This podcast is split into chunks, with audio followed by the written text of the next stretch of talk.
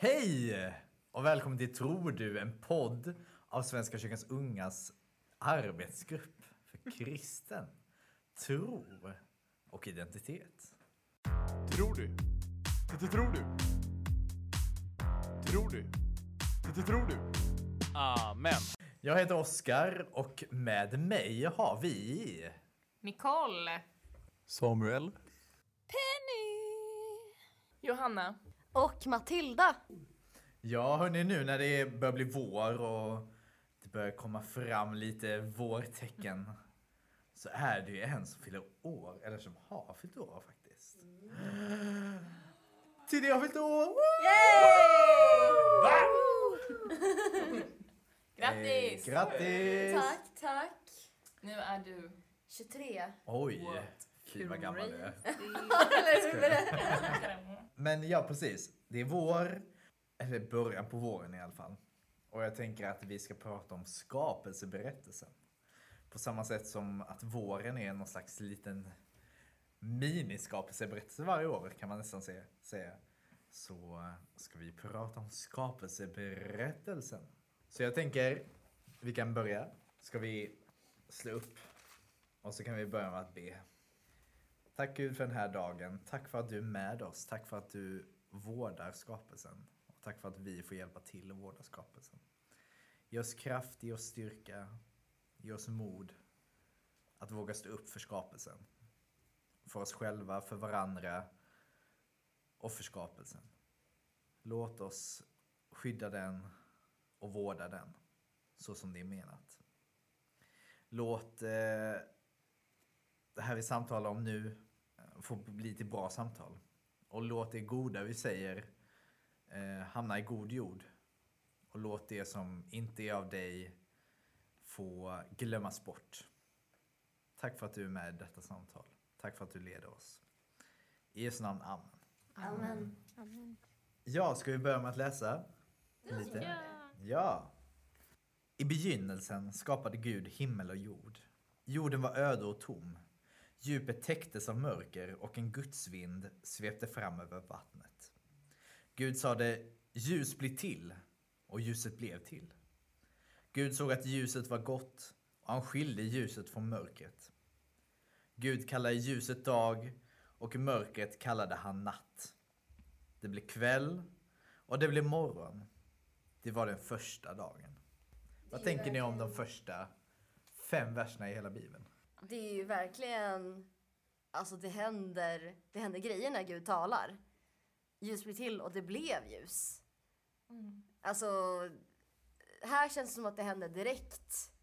Det är liksom ingen delay på liksom, ah, nu ska jag planera och hur ska jag göra det här ljuset nu? Utan det, det bara blir. Eh, till skillnad från att säga, ah, nu ska jag skapa en koreografi. Och så är det liksom en hel så här, lång månadsprocess. Liksom. Utan det händer verkligen sådär. Ja, vi börjar ju på något sätt alltså mitt i liksom. Alltså så, det är inte så mycket uppbyggnad och inte mycket så. Alltså om man tänker en så, hur man kanske bygger upp en, en vanlig bok eller en bok som inte är liksom in, av Gud. Att det ofta är så. Man kanske behöver så någon karaktärsuppbyggnad och lite så, någonting som leder fram till handlingen. Men här kommer vi så, alltså rätt pang bom in. Det fanns ingenting och sen skapas någonting. Liksom. Att det, Gud, det blir liksom en bild av en väldigt så aktiv Gud på något sätt. Och en Gud som verkligen är där det händer. Typ. Som också ser till att det händer saker. Vittnar det inte lite också om att ti- tiden börjar där? På något sätt. Det är liksom det här, det här intet som, alltså att det också har lite kopplat till det här med det, att det är lite sån här medias res direkt in liksom. För det är här allting, det finns ingen tid innan liksom, utan det är här som det liksom bara smäller. Mm. Och så har det börjat från ingenstans. Jag kan också typ tänka vilken stor auktoritet Gud faktiskt har. Att liksom så här, bara skapar från ingenting och bara så säger att nu ska det bli så här. Och så bara blir det så här. Det är så här man förstår ju verkligen att Gud är större än vad man kan tänka och vad man kan förstå. Men verkligen en eh, röst med auktoritet liksom. Som bara kan säga ljus blir till och så blir ljus till. Och så om man tänker liksom så här, men det här är första som händer. Man kan verkligen så här, typ se det framför sig, så här sjukt mäktigt. Bara, poff. Ja. blir ljus bara. Tänk. Ja. Jag får nästan lite svindel av att tänka att så här, någonting skapades från ingenting och vad, vad skapade ingenting? Finns det någonting som fanns ingen, innan ingenting? Ja. Fanns det någonting innan det som skapade det som skapade ingenting? Mm. Det, det är väldigt Ja. lite meta. Ja, det, det är ju liksom, det, det går ju inte för, vi är ju för icke-kapabla att tänka på det Mm. sättet på något Ja. sätt. Det är som att säga tänk på ingenting och så bara vad tänker du på det? Ja. det bara, ja, jag ser, tänker på svart och så bara, men du får inte tänka på något. Ja. Det går ju liksom inte. Tänker man på ingenting, då tänker man ju på Ja. ingen. ja. Ja. Ja, men man blir ju lite knäpp av att tänka på det. Det övergår ens förstånd. Men det intressanta med den här texten är, jag tror jag nämnde det i typ julavsnittet också, är det här sättet som vi människor har, har att se på tid och att vi måste tidsbestämma saker och ting. I- I den här skapelseberättelsen så står det ju Gud skapade jorden på sju dagar. Och då låter ju det ganska orimligt liksom. Ja, okej, visserligen är allting möjligt för Gud. Men i en människas värld så låter det fortfarande ganska omöjligt. Men om man översätter ordet dagar till sju evigheter istället, som egentligen är närmare originalspråket, så blir det ju dels ännu svårare att förstå, men på ett sätt också lättare att förstå att det tog kanske lite längre tid än sju dagar, än en vecka. Eller han skapade jorden på världen på sex dagar och vilade på den sjunde, menar jag såklart. Och det tycker jag är ganska intressant. Hur lång är en evighet i så fall? En evighet. En kort sekund. Alltså just det här med att så inte vara beroende av tid, som Gud på många sätt inte är. Alltså att Gud verkligen står utanför tiden och kan skapa efter liksom sin egen takt. Att vi som människor är så fast i tid på något sätt. Eller att vi alltid har liksom någon slags tid att förhålla oss till. Att så, okej, nu är klockan det här, snart kommer det här hända, snart tar det här slut, sen kommer det här börja. Att det är så... Det övergår liksom mitt förstånd att kunna tänka mig en tid utan tid. Mm. Typ. Eller så här, hur är det? Alltså så här, vad är en evighet? För att en evighet är ju på något sätt avsaknad av tid. Kanske, alltså någonting som aldrig tar slut och som pågår alltid liksom. Mm. Men vad är det? Alltså så här, det enda kanske vi som man på något sätt ändå har med sig säkerhet så här, saker kommer ta slut liksom. Eller de kommer i alla fall omförvandlas på något sätt. Alltså mitt jordiska liv kommer ta slut. Slash förvandlas till liksom ett liv i evigheten. Eller med Gud i himlen. Eller vart man vill tänka händer. Och det tycker jag också är intressant det här att, att i, vi har blivit lite, eh, vi ser nästan mer som sy- synonymt idag, men det är ju väldigt stor skillnad på för alltid och för evigt. För evigt är ju bortom all tid. Och det tycker jag också är intressant när man tänker att Jesus säger ju att han ska vara med oss i alla dagar in till tidens slut. Men vad händer sen då? Ja. Jag funderar också på, på tal om det här liksom, evigheten är bortom tid och rum. Tror ni det är möjligt för oss att uppleva liksom, en känsla av evighet? På något sätt? Eller verkligen liksom, nu vet jag inte varför jag vill säga liksom, gå upp i evigheten men När man står i hissen. Eller väntar på hissen. Men det är väl möjligt, tänker jag. Jag tänker liksom kristen mystik tradition vittnar ganska mycket om det. Liksom, när man släpper, eh, läm- lämnar tiden, uppgår i evighet, eh, slutar vara det enda vara till Gud. Liksom, då, när det liksom lämnar på något vis.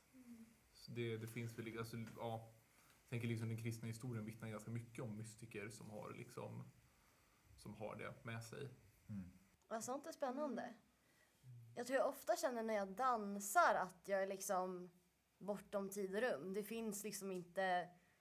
Jag kan liksom inte kolla på klockan utan jag är verkligen bara i, i min kropp, i musiken och ofta också någonting som känns så mycket större än mig själv. Mm. Så där tror jag nog att min ingång är Mm. just det.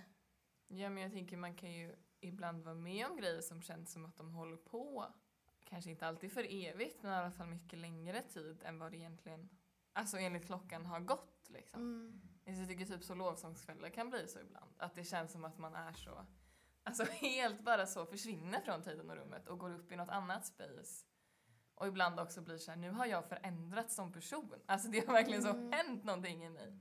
Men enligt klockan så har det bara gått 30 minuter.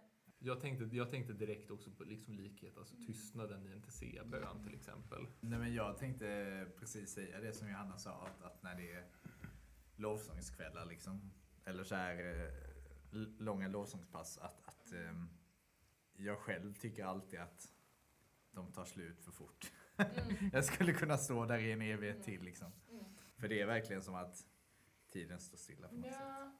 Ja, och på samma sätt eh, under eh, tystnad, TC-tystnad liksom. Fast jag tror jag mer, jag gillar nog mer att sjunga än tystnad så jag kan tycka att tystnaden i TC är åt andra hållet. Att bara, när är den här slut?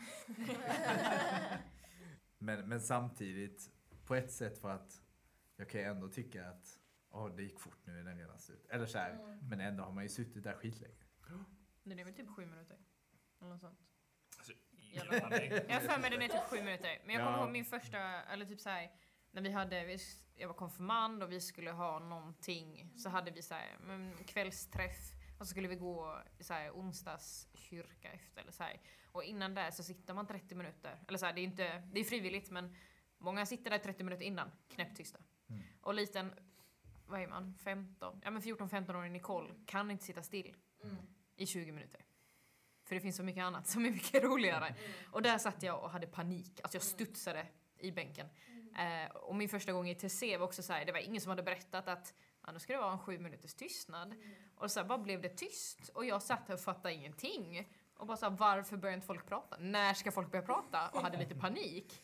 Eh, men nu när jag är i TC, eller så här, ja, innan pandemi, eh, så tyckte jag ju, eller så här, då uppskattade jag verkligen tystnaden. Eller så här, det var lite så här, man lärde sig att förvalta tystnaden. Att det inte bara var att nu ska jag sitta där och glo på människor i sju minuter utan att man kunde jag hade ofta med mig typ en skrivbok där man kunde skriva ner tankar eller man sitter liksom och läser bibeln eller något så här att det inte är liksom bara rakt upp och ner sitta sju minuter utan att jag faktiskt gjorde något vettigt för Gud på de där minuterna.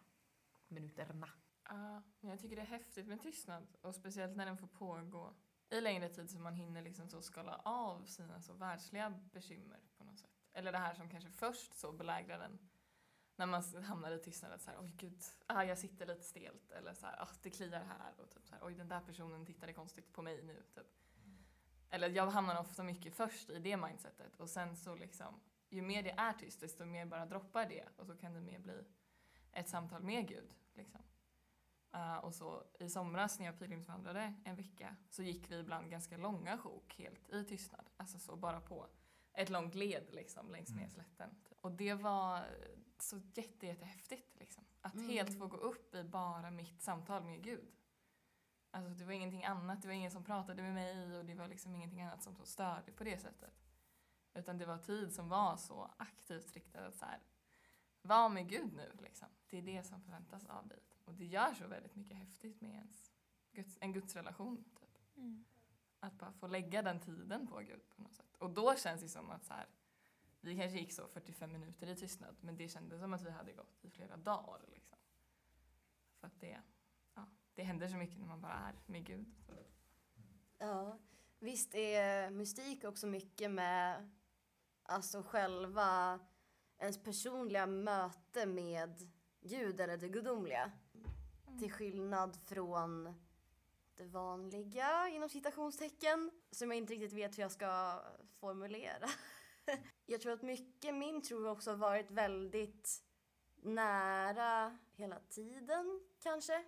Eller jag har ju såklart haft perioder när det inte känts så nära liksom. Men jag har så himla svårt att formulera liksom vad är mystik versus det vanliga, om jag får säga det så. Ja, och mystik är så mycket också.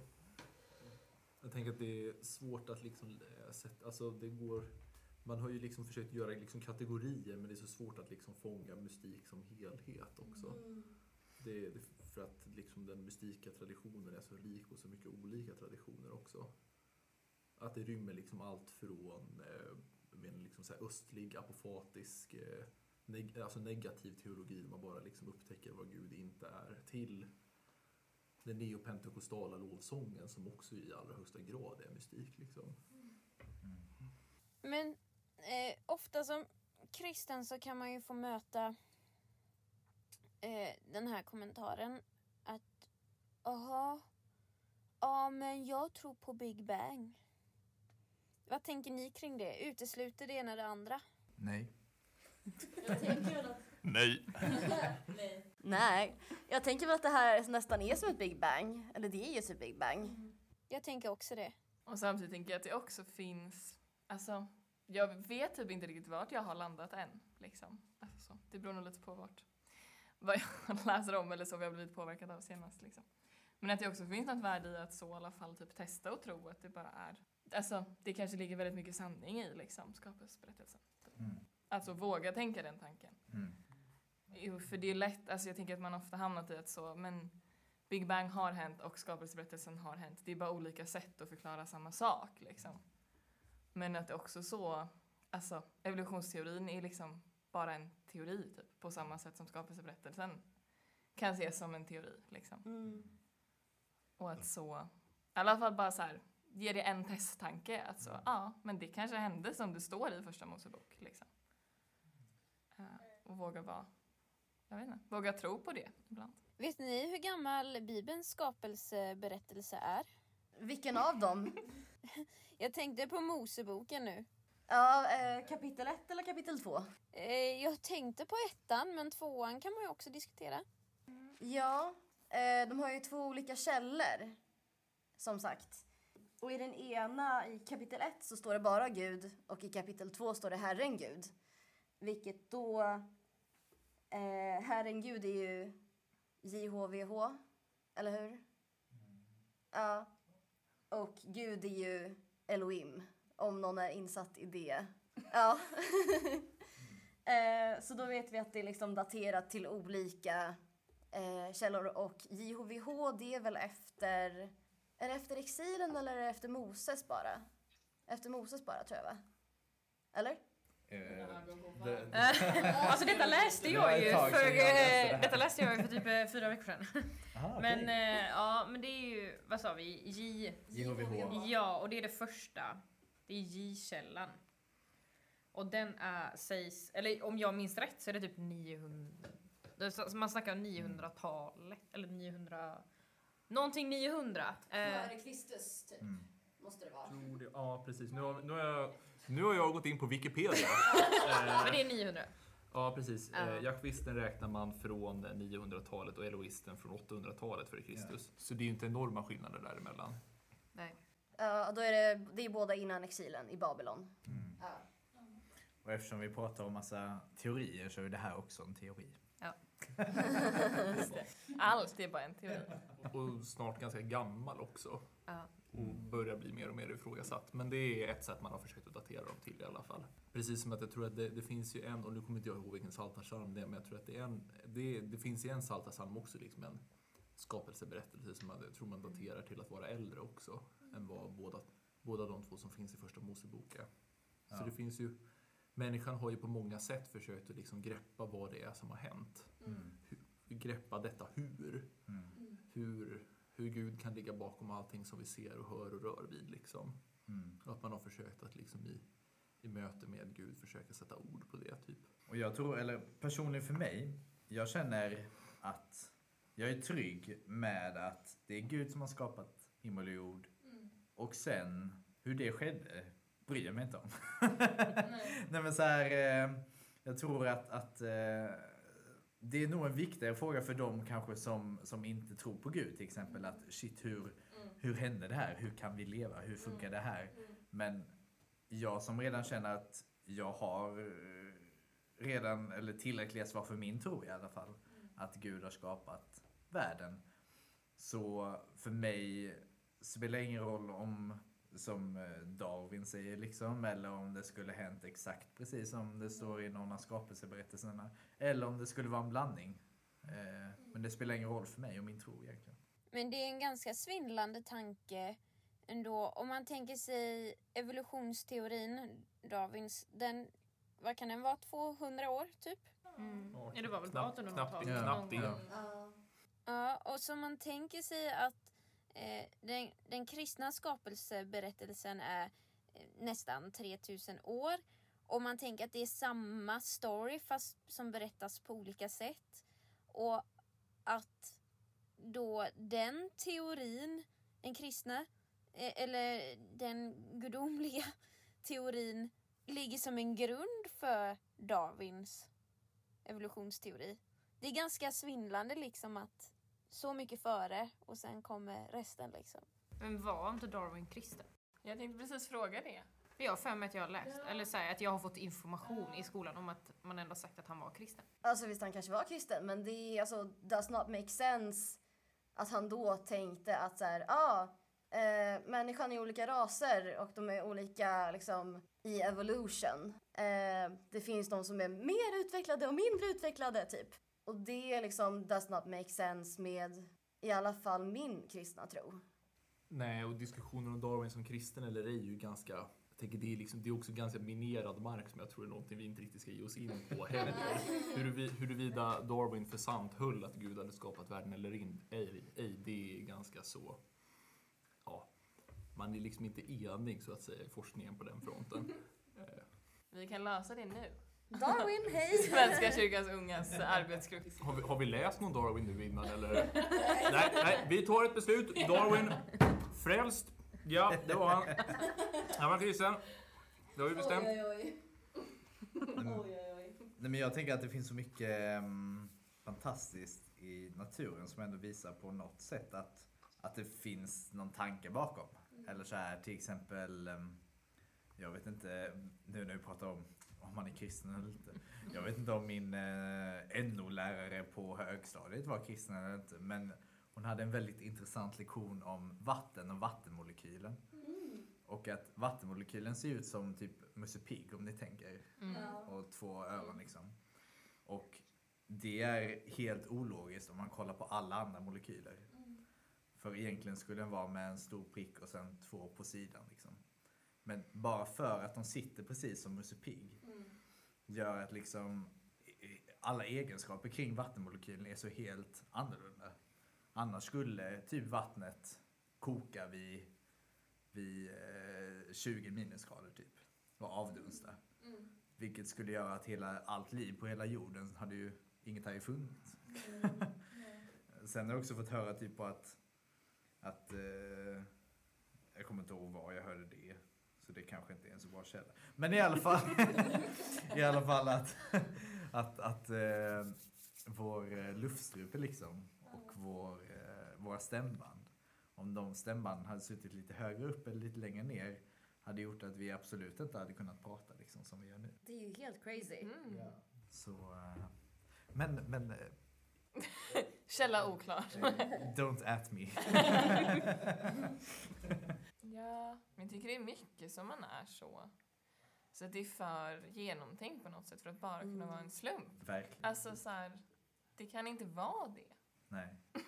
Det är bara så, det går inte. Nej men att, ja, jag vet inte, skulle allt det här liksom bara hänt av ett alltså slumpmässigt poff för så x antal miljoner år? Det pratar man ganska mycket om i religionsfilosofin. I trovetandedebatten så är vi ju inne på liksom det man pratar om argument of fine tuning. Mm. För det är ju inte bara vattenmolekylen eller strupbanden som är så liksom finbestämt utan också hur de, de fysiska lagarna är så, liksom, så fine tuned så hade det liksom varit en, en, vad är det, en promilles skillnad.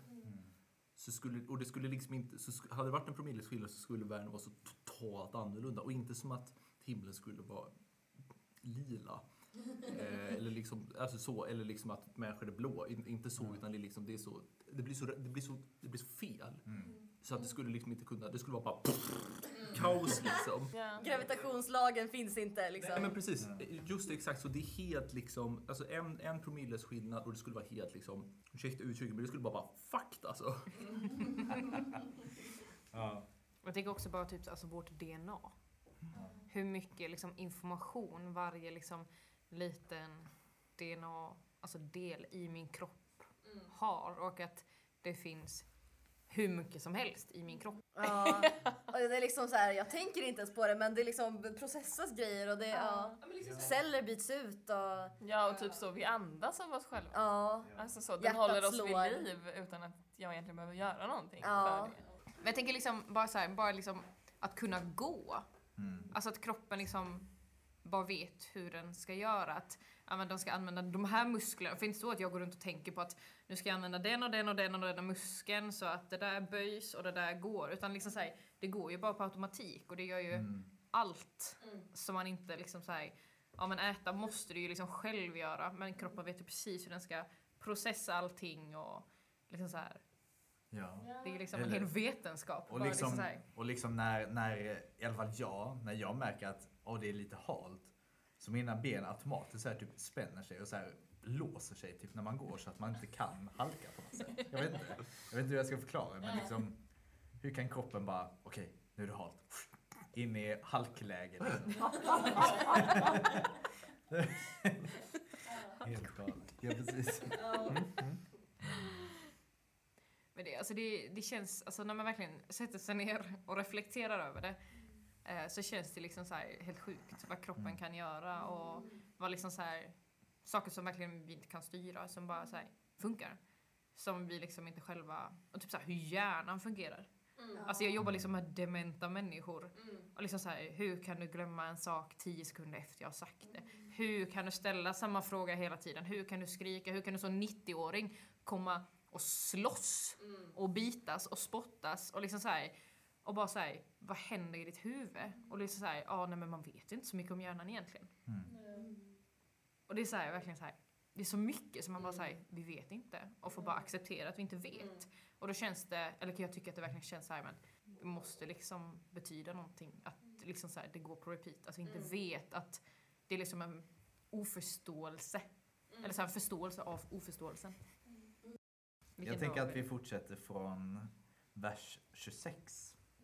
Gud sade, vi ska göra människor som är vår avbild, lika oss.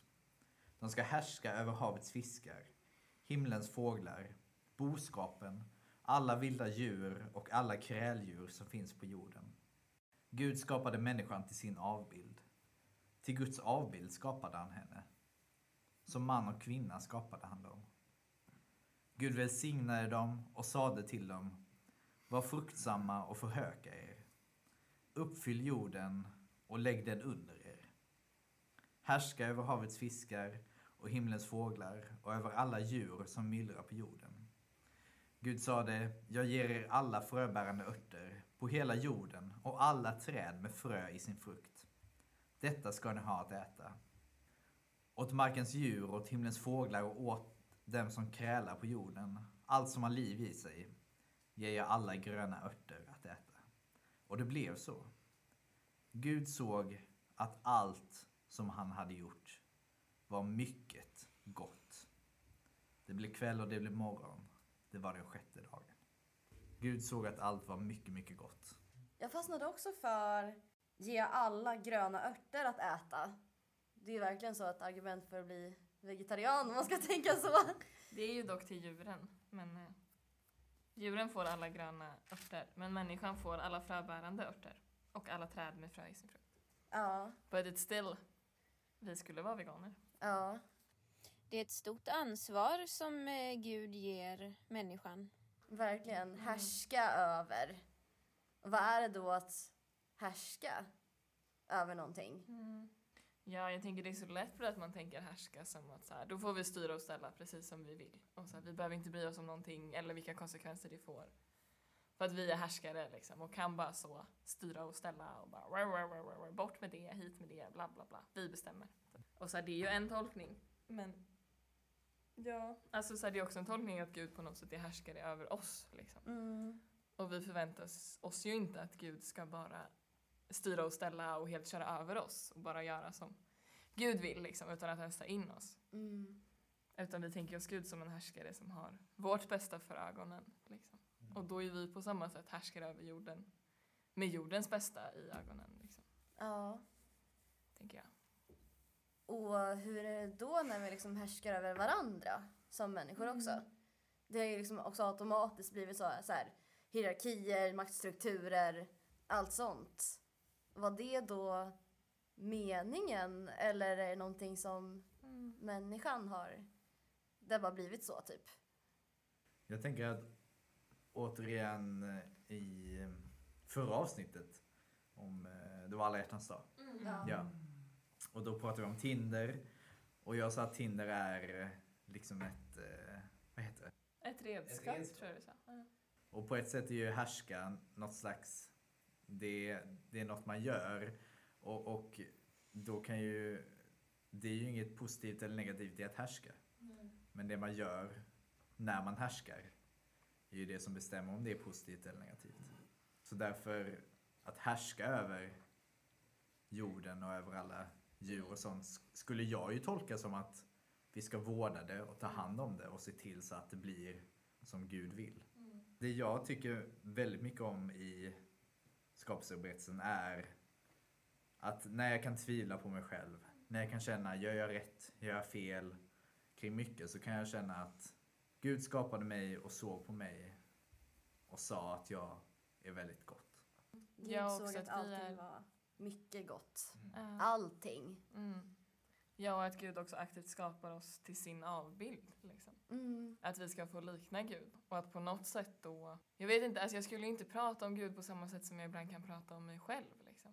Men på något sätt finns ju ändå Gud i mig för att jag kommer från Gud. Liksom. Och det är ju så här, varför skulle jag, varför använder jag det språket om mig själv då liksom?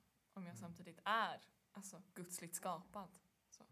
I Guds avbild. Ja, men precis. Det finns så mycket starkt i det. Att vi verkligen är av Gud och från Gud och med Gud och allting. Och då är vi också så mycket värda. Det är så häftigt att tänka att jag, vi, du som lyssnar, att vi liksom har varsin extraordinär, alltså specifika sammansättning av gener och konstellationer som gör att vi är just de vi är. Och att det verkligen finns endast ett exemplar av oss var. Det, det, det är fint. Och det är så, det är så sjukt när man tänker hur, hur otroligt många människor det finns. Och hur många otroligt många människor det har funnits. Och hur otroligt många människor det kommer att finnas. Och ändå är jag jag. Och du är liksom en liten, liten bit av Gud. Ah, Ja. Det är också helt som är crazy. mycket god. Ja. Det är helt crazy. Mm. Det tänker jag är häftigt med liksom relationen mellan skapelse och Gud också. Mm. Jag läste i våras eh, så läste jag en kurs där jag läste massor med gamla gubbar som hade tänkt saker och då läste jag bland annat Thomas av Aquino. Han var nog min favorit av dem som hade tänkt på grejer på många sätt. Och han pratar om eh, förhållandet mellan skapat och skapare och han pratar om Guds liksom innersta essens så. Och det hänger liksom ihop det här med att, att Guds, Guds innersta essens är att Gud är. Det är liksom, essensen är esse, att vara. Eh, och att vi finns, det har vi tack vare att vi har fått det genom, alltså att vi, vi är skapade stor relation till skaparen. Och han gör en liknelse med att om man, om man har en brasa och så tar man en pinne därifrån och så tänder man en till brasa. Så kommer den, den elden är ju eld tack vare den första elden. Det är liksom hans liknelse. Så att den är, den är eld genom annans eld. Mm. Och att vårt varande är liksom är genom att vi har del i, i det stora varandet. Att vi allihopa är många, många miljarder små delar av Gud. Att vi har del i Gud. I direkt kontakt liksom, genom att vi bara finns. Det är också så här svindlande tanke. Jag tänker att vi går tillbaka. Kapitel 2. Så fullbordades himlen och jorden och allt vad där finns. Den sjunde dagen hade Gud fullbordat sitt verk och han vilade på den sjunde dagen efter allt han hade gjort. Gud välsignade den sjunde dagen och gjorde den till en helig dag. Till den dagen vilade Gud sedan han utfört sitt skapelseverk. Vilodagen. Vilar ni? Det är en bra fråga. En kan ju vila på olika sätt. Jag kanske lägger mig i soffan eh, men jag scrollar kanske på mobilen samtidigt och då är ju liksom hjärnan fortfarande igång. Även om kroppen är helt still. Jag tror jag nog skulle behöva vila, alltså få, få hjärnan att vila mer än vad den faktiskt gör. Så där tror jag att, där, där har vi min vila. Mm, jag tror jag är ganska lik. Alltså att jag påstår ofta att jag ska gå och vila. Eh, och så lägger jag på min, på min säng och så tittar på TikTok i 30 minuter. Och jag är så, har jag vilat? Nej. Alltså det är inte som att hjärnan har fått någon paus överhuvudtaget. Och jag har inte blivit påfylld av någonting heller. Alltså så, den vilostunden har varken gett energi eller tagit så mycket energi. Heller. Det blir bara mer som en så, ett avbrott i en existens typ. Alltså så TikTok tycker jag kan vara ett så slukhål av tid. Att man bara så, gick det tre timmar till det här? Typ. Men det är inte som att det är tre timmar som egentligen ger mig någonting. Alltså de bara försvinner. Så att jag behöver nog också bli bättre på att ta den aktiva själsvilan liksom. Alltså där man får fyllas på med någonting. Ja, för mig som... Jag jobbar ju i kyrkan. Eh, så att jag jobbar ju ofta på söndagar och då känner jag... Då vilar jag inte i alla fall. Kan ibland kännas lite motsägelsefullt men, men det känns ändå okej. Men jag tänker att... Ja, men som ni säger att det finns olika sätt att vila på också. Jag har under hösten gjort ett initiativ faktiskt. Eh, jag har ju läst på 150 procent nu under ett års tid. Eh, fruktansvärt. Eh, tips är att inte göra det mer än absolut nödvändigt. Och det är för att jag behövde läsa kyrkans grundkurs och ba, ba, ba, ba, ba. Men jag har varit väldigt trött av det eh, och valde att ta en paus från min kör som jag sjunger i under tiden. Eh, för det jag gjorde var att, för då var det liksom, det är torsdagskvällar och det är rep med kören. Och då gjorde jag som så att jag bestämde mig för att men då tar jag paus från kören nu. Och så bestämmer jag mig att varje torsdagkväll så låser jag mitt rumsdörr när klockan är sex. Jag ser till att äta middag innan, låser dörren och stänger in mig. Mm. Och det har varit en enorm vila för mig. Eh, för jag bor ju också då i ett kollektiv med 23 andra människor som håller på och stojar och har sig. Liksom så här. så är, man, är jag liksom ute i resten av kollektivet så är det inte nödvändigtvis vila liksom, bara för att jag skippar att vara med kören alltså, tor torsdag kväll. Liksom. Eh, får vi se hur det fortsätter nu eftersom att det under våren börjar sjunga igen. Men, men det har till exempel varit ett... Ja, det har funkat bra. Hot tip. Eh, bestäm en tid. Vad har det varit för typ av vila? Som har funkat för dig? Liksom? Det viktigaste har varit att jag inte är med andra människor. Nu har ju inte jag TikTok så jag har inte spenderat tid där i alla fall. Men eh, jag har väl spelat väldigt mycket Zelda, det har jag. Men, men just det viktiga har varit att jag liksom inte umgås med, med andra istället för att utan få liksom den här att vara ensam, typ. Skönt. Och jag vilar väl inte aktivt så jätteofta. vill jag påstå. Eller vill jag nog erkänna. Eh, jag gillar inte när det inte händer saker. Men sen kan jag få ångest för att det händer för mycket saker. Typ. Men liksom så här, jag har inte riktigt hittat den här balansen. Eh, så som, ja, ibland lägger man sig bara på soffan och kollar på TV en hel kväll och då är det liksom fine. Men det är inte så att jag aktivt så här. Nu har jag planerat in att jag ska göra det här. Nu har jag planerat in. Så liksom så här, jag pluggar gärna och sen så jobbar jag gärna och sen så sticker jag dit och så sticker jag dit och så sticker jag dit och sen så däremellan så kan jag andas två andetag typ. Eh, ja, det är inte jättehållbart. Det funkar nu. Vi får se sen. Men det är liksom så här. Det, I mitt liv måste det liksom hända någonting. Uh, och vila måste komma spontant. Jag kan liksom inte planera för då får jag panik för att jag har planerat vila. För då har, får jag inte gjort någonting. Finns det då möjligheter i det det gör att då liksom göra någonting fast liksom i en eh, alltså sinnesstämning av vila? Det bör ju liksom inte ligga som en eh, sardin på en soffa liksom. Helt still. Det är jätteskönt. Jag älskar sardin på soffan.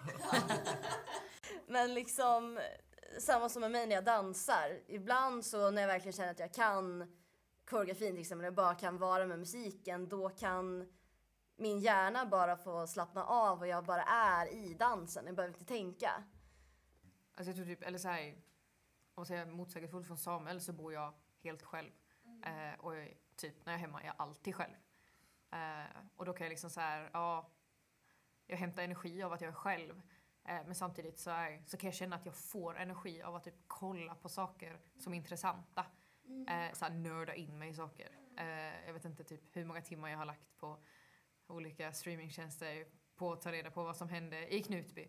Eller typ så här, hur många timmar jag har lagt på Palmemordet. Och liksom så här, bara för att så här, då är min hjärna, då får den ut så mycket av det.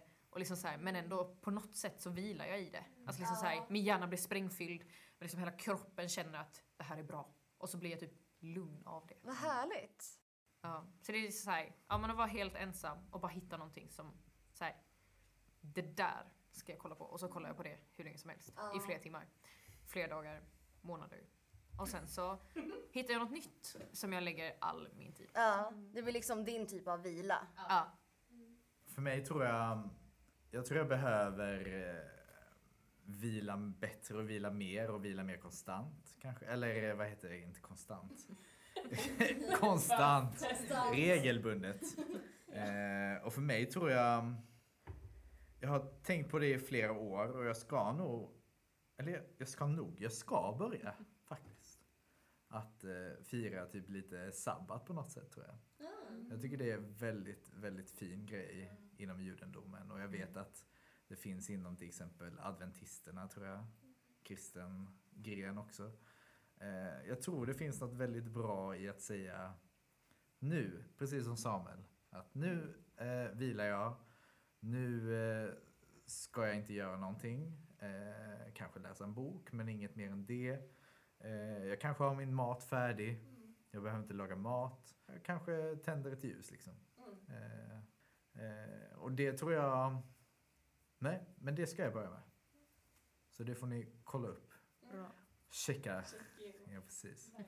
Eh, så det, för det har jag faktiskt tänkt i flera år och sen har jag inte blivit av för att, för att det blir så lätt det här att eh, en kompis bara, nej men ska vi inte ses? Och man bara, okej då. Eller så, man vill typ. Men man känner, och jag borde egentligen, men jag vill ju verkligen det här. Och sen så, här, så får man liksom sota för det senare för att helt plötsligt har man gått tre veckor i rad och inte haft en enda ledig stund. Liksom. Eh, och det är så otroligt viktigt. Gud säger till mig att vi ska göra det. Amen.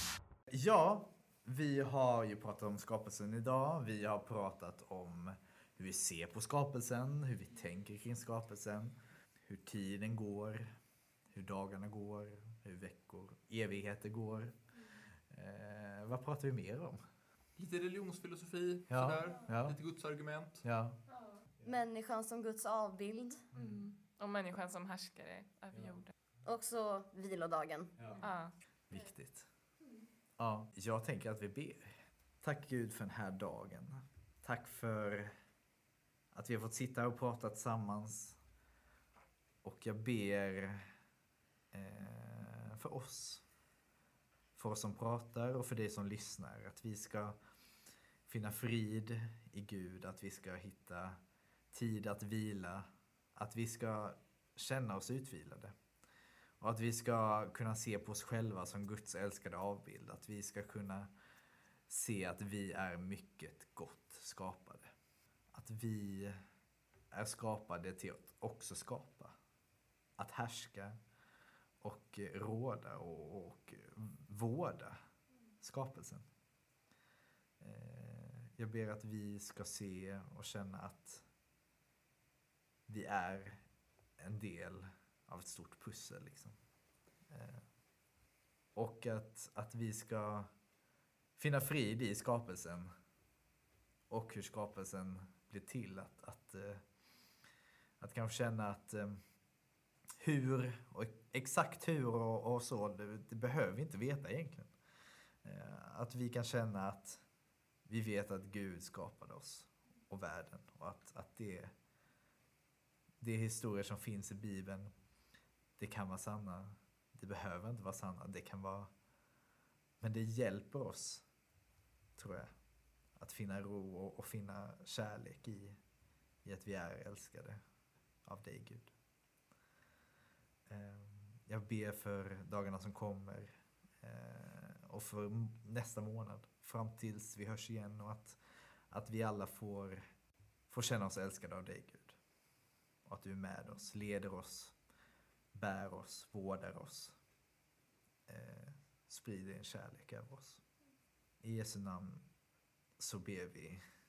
Gud som haver barnen kär, Se till mig som liten här. Vart jag mig i världen vänder står min lycka i Guds händer. Lyckan kommer, lyckan går. Du förbliver Fader vår. Amen. Tack för att ni lyssnade. Tack. Tack, tack. Ta hand om er. Snart är våren här. Snart är våren här. Snart är sommaren här. kära. Tagga ljusa eftermiddagar. Eh, Värme. Och värme och bad. Vi ses, ha det fint! Hej då! Hej då! Ha det gott. Tjingeling!